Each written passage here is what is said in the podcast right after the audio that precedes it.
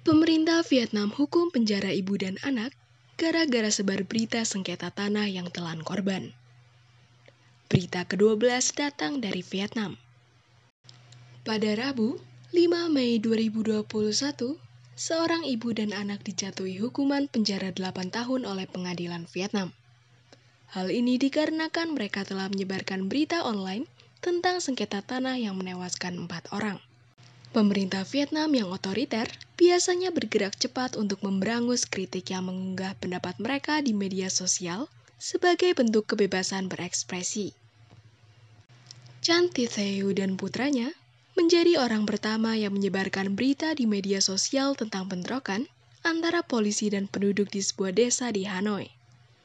Kasus ini terjadi pada Januari 2020, di mana tiga polisi dan seorang penduduk tewas.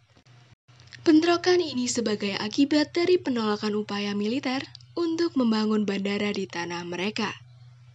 Theo dan Trin Batu, putranya yang berusia 32 tahun, dihukum penjara selama 8 tahun. Hal ini dikarenakan mereka menyebarkan informasi melawan negara komunis. Kabarnya, mereka mengakui tindakan yang mereka lakukan dan mengajukan banding namun mereka tidak berpikir bahwa hal yang mereka lakukan salah. Sengketa tanah merupakan hal biasa di Vietnam, di mana individu dan perusahaan yang berkuasa membuat klaim atas properti. Akan dihukum bagi mereka yang mengungkap ketidakadilan dan pelanggaran hak asasi manusia. Para pemerintah Vietnam secara ketat mengontrol kebebasan berekspresi dan hak untuk memprotes.